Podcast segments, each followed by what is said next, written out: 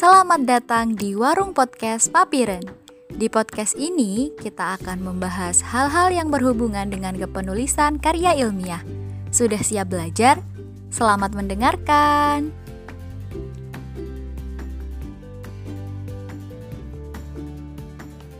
Oke, cek cek. Assalamualaikum warahmatullahi wabarakatuh. Selamat datang kembali di Warung Podcast Papiran dan kembali lagi bersama saya Ernest yang akan menemani kalian selama beberapa menit ke depan.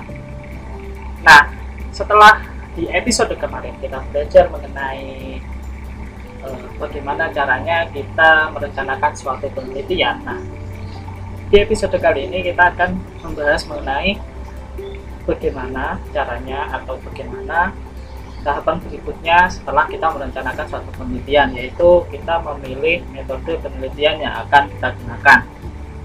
Seperti apa penjelasannya? Mari kita simak bersama-sama. Oke. Uh, yang pertama kita perlu tahu dulu nih apa yang dimaksud dengan metode penelitian. Nah jadi uh, metode penelitian itu dapat dikatakan sebagai suatu langkah yang harus dilakukan oleh peneliti dalam rangka untuk mengumpulkan informasi atau data serta melakukan investigasi terhadap data tersebut yang sudah kita dapatkan ketika melakukan observasi di lapangan. Jadi ibaratnya adalah e, langkah-langkah yang harus kita lakukan selama melakukan suatu penelitian dan bagaimana caranya kita mengolah data yang kita dapat dari e, penelitian itu tadi. Lalu ada berapa sih e, macam-macam dari metode penelitian itu? Ini kita sebutkan beberapa ya dan sedikit kita jelaskan. Yang pertama itu adalah metode penelitian survei. Apa sih yang dimaksud dengan metode penelitian survei? Yaitu e, suatu bentuk upaya penelitian yang dilakukan pada suatu populasi, baik besar ataupun kecil, tetapi data yang diteliti itu berasal dari sampel yang dipilih dari populasi tersebut. Jadi kita bisa menemukan berbagai Eh, hal-hal uh, yang kejadiannya relatif terus distribusi antar sampel ataupun hubungan-hubungan antar variabel-variabel yang muncul dalam suatu populasi tersebut. Nah, secara umum sebenarnya penelitian survei ini digunakan untuk mengambil suatu kesimpulan yang general atau umum dari suatu pengamatan yang tidak perlu melakukan uh, secara langsung secara mendalam. Jadi kita hanya butuh sesuatu gambaran umum mengenai suatu hal. Nah, tapi gambaran umum itu tadi atau generalisasi generalisasi tadi itu harus memiliki data yang akurat sehingga bisa menjadi suatu sampel yang representatif. Nah, misalnya itu uh, ketika kita ingin mengetahui jumlah atau sensus dari suatu penduduk, nah itu bisa dikatakan sebagai suatu penelitian survei yang mana di situ bisa menyimpulkan secara umum oh di suatu daerah itu ternyata eh, populasi laki-lakinya sekian, populasi perempuannya sekian, populasi anak-anaknya sekian, terus misalkan populasi orang tuanya sekian, terus misalkan yang bekerja sebagai uh, di sektor formal itu berapa, yang di sektor informal itu berapa. Nah itu gambarannya seperti itu. Lalu tujuannya dari metode penelitian survei ini apa sih? Di sini ada kurang lebih ada dua, yaitu tujuan dari pengguna penelitian survei adalah untuk mengetahui gambaran secara umumnya. Ya itu tadi kita ingin tahu secara umum mengenai karakteristik dari suatu populasi. Jadi ketika kita mau menentukan sesuatu, menentukan suatu kebijakan lah misalnya, kita setidaknya harus tahu gambaran umum karakteristik dari populasi yang ada di situ. Lalu penelitian survei ini juga dapat digunakan untuk mengumpulkan informasi berupa opini dari sejumlah besar individu mengenai topik atau isu tertentu. Misalnya nih kayak eh, biasanya ada di Instagram ya, kalau mungkin kalian suka main di Instagram, terus ada suatu story yang membahas mengenai suatu kejadian, terus kita disuruh eh, memilih memvote antara setuju atau tidak setuju atau uh, memilih apakah kita yes or no kayak gitu. Ya gambarannya semacam itu. Gambaran sederhananya mengenai tujuan dari penelitian survei. Nah, di sini sebagai suatu penelitian survei ini juga memiliki karakteristik, di antaranya uh, informasi yang dikumpulkan dari sekelompok besar orang untuk mendeskripsikan beberapa aspek atau karakteristik tertentu. Jadi, jadi penelitian survei ini enggak menyasar hanya beberapa orang saja, tetapi dalam sekelompok besar, yang mana kita ingin tahu bagaimana sih karakteristik dari kelompok sekelompok besar itu tadi.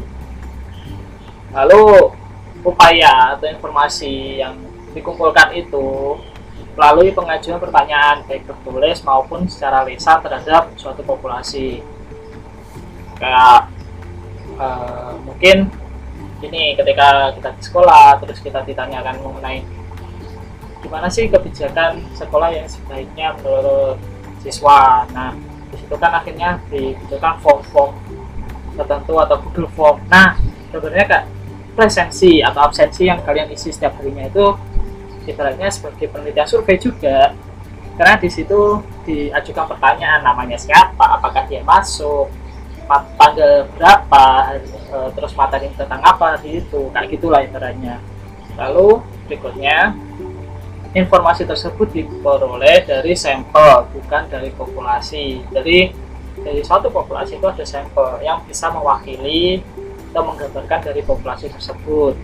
Sebenarnya kan itu lalu di sini ada contoh. Apa sih contoh yang kita bahas tadi udah dicontohkan seperti misalnya eh, penelitian survei itu kayak eh, survei kependudukan ya. Nah di sini kita juga bisa merumuskan contoh yang lain di antaranya misal pengaruh kepemimpinan kepala masa agung dan motivasi kerja guru terhadap prestasi siswa atau juga pengaruh penerapan sistem pembelajaran e-learning terhadap motivasi belajar siswa atau yang lebih gampang lagi adalah pengaruh penerapan sistem belajar jarak jauh terhadap motivasi belajar siswa Nah, itu Kak gimana sih gambarannya ketika kita menerapkan sistem pembelajaran jarak, jarak jauh kayak gini terhadap motivasi belajar kalian. Sebenarnya kayak gitu. Lalu kita beralih ke berikutnya yaitu mengenai eksperimen.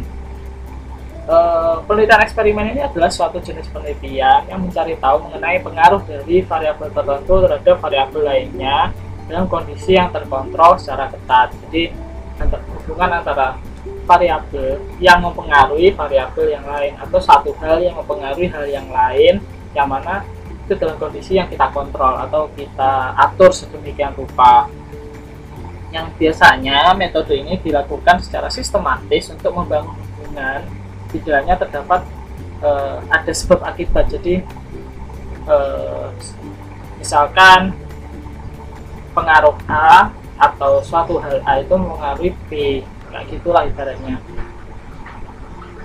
Nah biar lebih jelasnya itu kita lihat saja contohnya. Nah, misalkan kalau di ilmu sosial itu ada sosial eksperimen nah itu misalkan kita bereksperimen terhadap anak-anak. Anak kecil atau anak sekitar TK atau apa ketika dia dikasih uang 100 ribu. Nah ini yang mereka lakukan itu apa? Apakah mereka nanti bakal memberikan uangnya ke orang tua?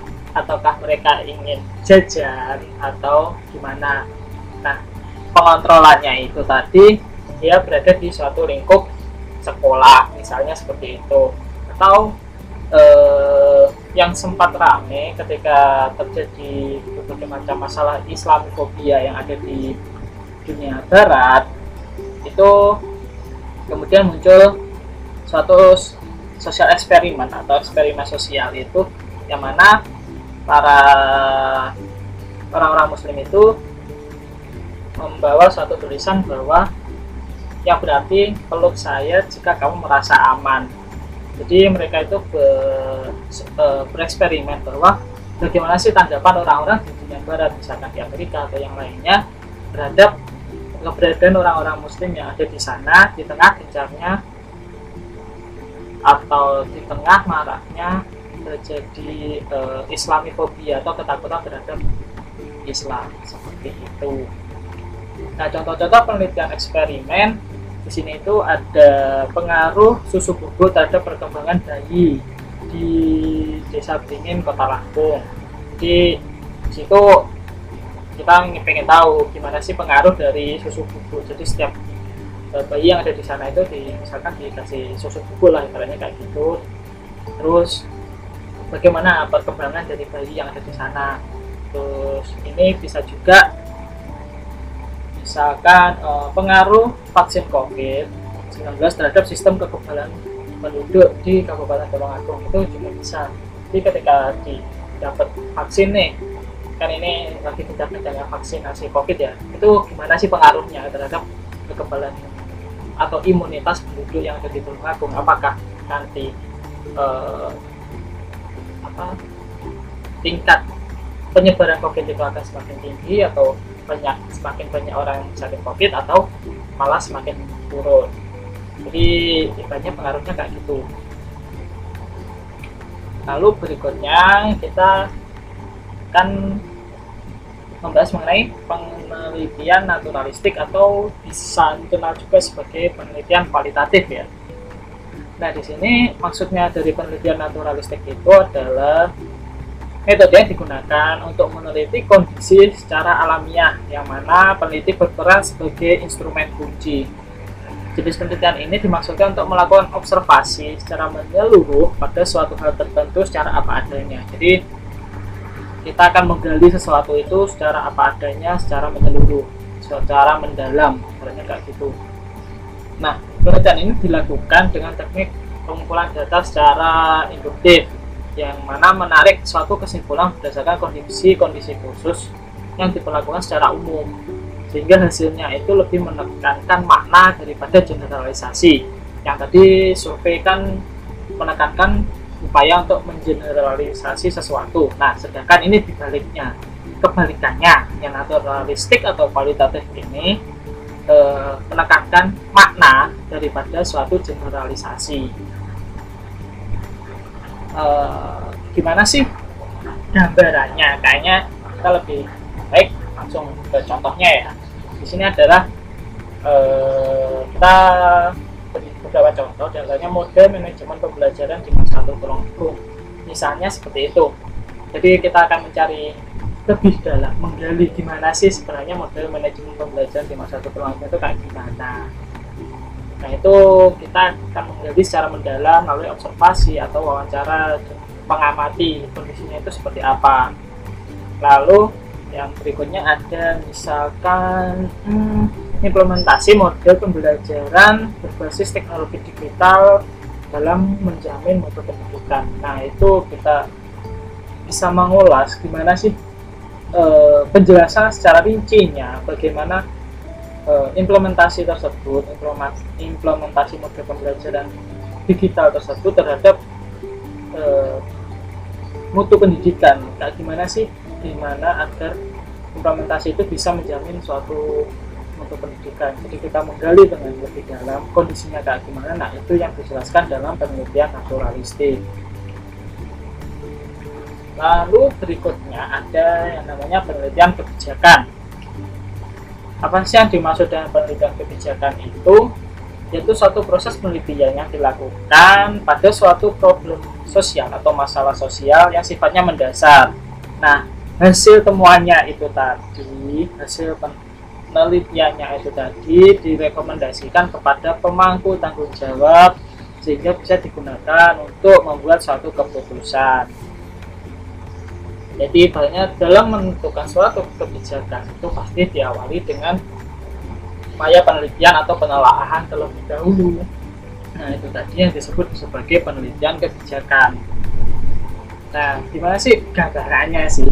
Kegiatan penelitian ini sebenarnya dilakukan untuk mendukung suatu kebijakan sehingga e, penelitian ini punya sifat yang khas lah tapi nggak boleh mengada-ngada jadi ya apa adanya. Dan penelitian ini diawali dengan proses memahami secara menyeluruh terhadap permasalahan sosial serta diakhiri dengan suatu rekomendasi upaya pemecah masalah. Jadi perannya ketika melakukan suatu kebijakan menetapkan suatu kebijakan terus eh ternyata ada masalah nih ketika kita menerap, eh, ketika diterapkan kebijakan A. Lalu dilakukan suatu penelitian terhadap eh, dampak kebijakan tersebut di kondisi masyarakat. Nah, dari situlah kemudian dilakukan suatu penelitian, suatu kajian yang kemudian hasilnya itu direkomendasikan dan diberikan suatu pemecahan masalah yang kemudian kita serahkan atau diserahkan kepada para pemangku eh, tanggung jawab untuk mengatur suatu kebijakan itu tadi.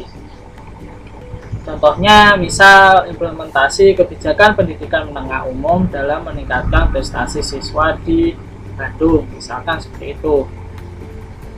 Uh, jadi ketika mereka menerapkan kebijakan pendidikan menengah umum itu kayak kayak gimana? Yang bisa meningkatkan prestasi siswa. Jadi direkomendasikan kebijakan yang kayak gimana sih? Permasa uh, rumusan atau saran yang kayak gimana sih yang bisa menghasilkan suatu peningkatan prestasi siswa. Kira-kira kayak gitu. Lalu ada penelitian tindakan juga. Ini yang keberapa ya? Kelima ya kayaknya. Nah penelitian tindakan itu kayak gimana sih? Nah pengertiannya itu penelitian tindakan adalah suatu proses yang dilalui oleh individu atau kelompok yang menghendaki perubahan dalam situasi tertentu untuk mengaji suatu prosedur. Yang mana prosedur itu tadi diperkirakan akan menghasilkan perubahan yang dapat dipertanggungjawabkan. Uh, ibaratnya itu kayak gini penelitian apa penelitian ini itu bertujuan untuk mengembangkan metode kerja yang lebih efisien. Nah ibaratnya kayak gitu. Jadi bisa meningkatkan suatu produktivitas di suatu perusahaan atau di suatu lembaga intinya ya kayak gitu tadi sih uh, upaya untuk mengembangkan suatu metode kerja yang lebih efisien. Ibaratnya kayak gitu kerja. Kalau kayak gimana sih contohnya? E, misalnya perencanaan prosedur kerja dalam rangka memperbaiki mutu pelayanan pendidikan di suatu sekolah. Nah misalnya kayak gitu. Di e, merencanakan suatu prosedur kerja yang lebih baik dalam upaya untuk memperbaiki mutu pelayanan pendidikan di suatu sekolah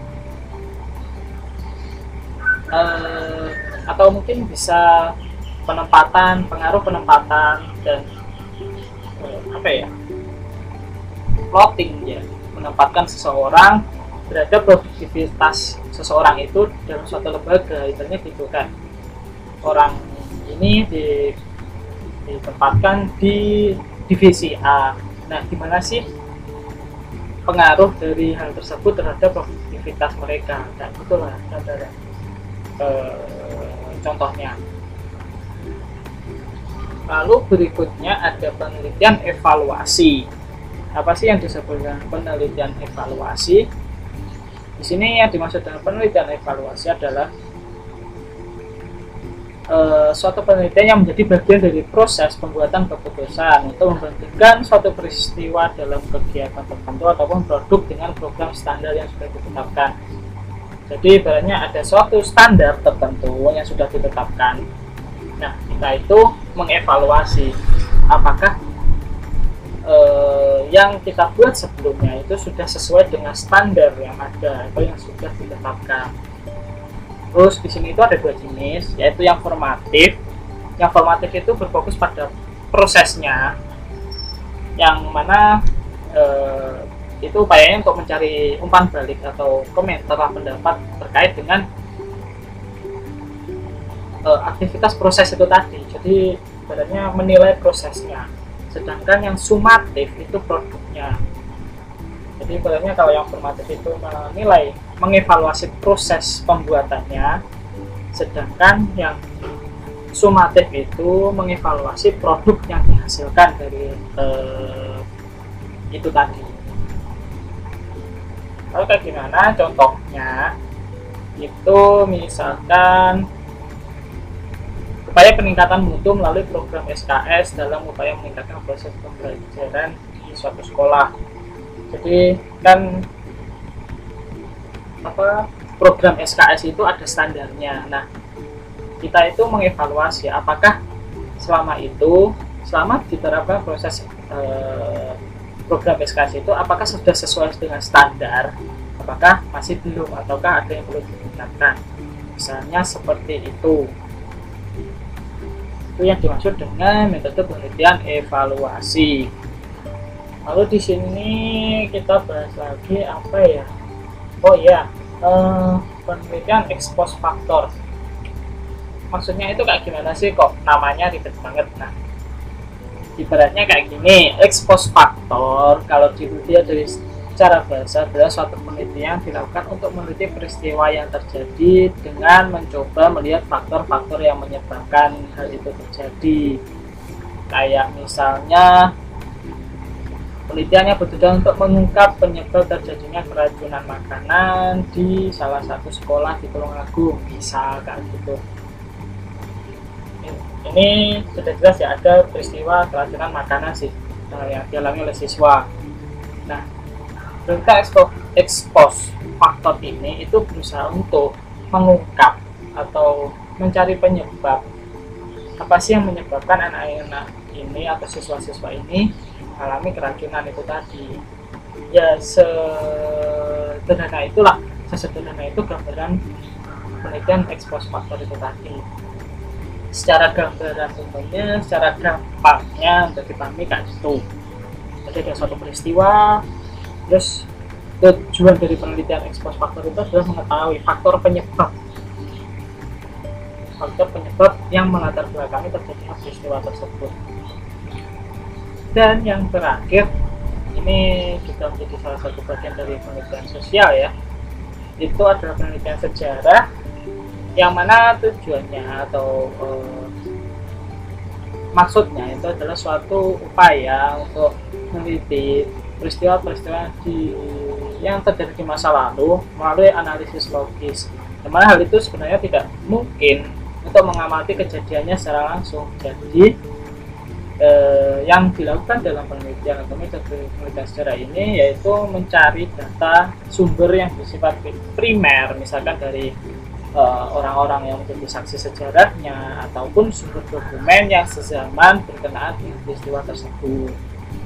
Ya tujuannya sih untuk merekon merekonstruksi peristiwa di masa lampau menggunakan berbagai macam analisis logis, sistematis dan objektif sehingga e, misalkan kita ingin tahu nih kayak gimana e, sejarah perkembangan industri marmer di Tulungagung. Nah itu kita melakukannya untuk merekonstruksi peristiwa tersebut atau merekonstruksi bagaimana perkembangan industri marmer di Tulungagung itu kayak gimana itu melalui penelitian sejarah. Contohnya misal perkembangan politik di Tulungagung tahun 1965 hingga 2014 atau perkembangan banjir di Kabupaten Tulungagung pada tahun 1943 hingga 1980 nah ya itu tadi sih contoh-contohnya. Ya kurang lebih kayak gitu sih dari berbagai macam metode penelitian itu. Ada sekitar berapa ya tadi? Delapan. Mulai dari yang pertama itu adalah penelitian survei lalu berikutnya ada penelitian eksperimen lalu ada naturalistik ada penelitian kebijakan tindakan evaluasi, ekspos faktor, dan juga penelitian sejarah. Ya, semoga pembeli, uh, penjelasan itu tadi bisa bantu kalian atau kita semua untuk bisa lebih memahami bagaimana sih metode yang bisa diterapkan dalam penelitian sosial dan budaya. Ya, kurang lebih seperti itu pertemuan kita kali ini dan kurang lebihnya mohon maaf saya Remes mohon pamit Assalamualaikum warahmatullahi wabarakatuh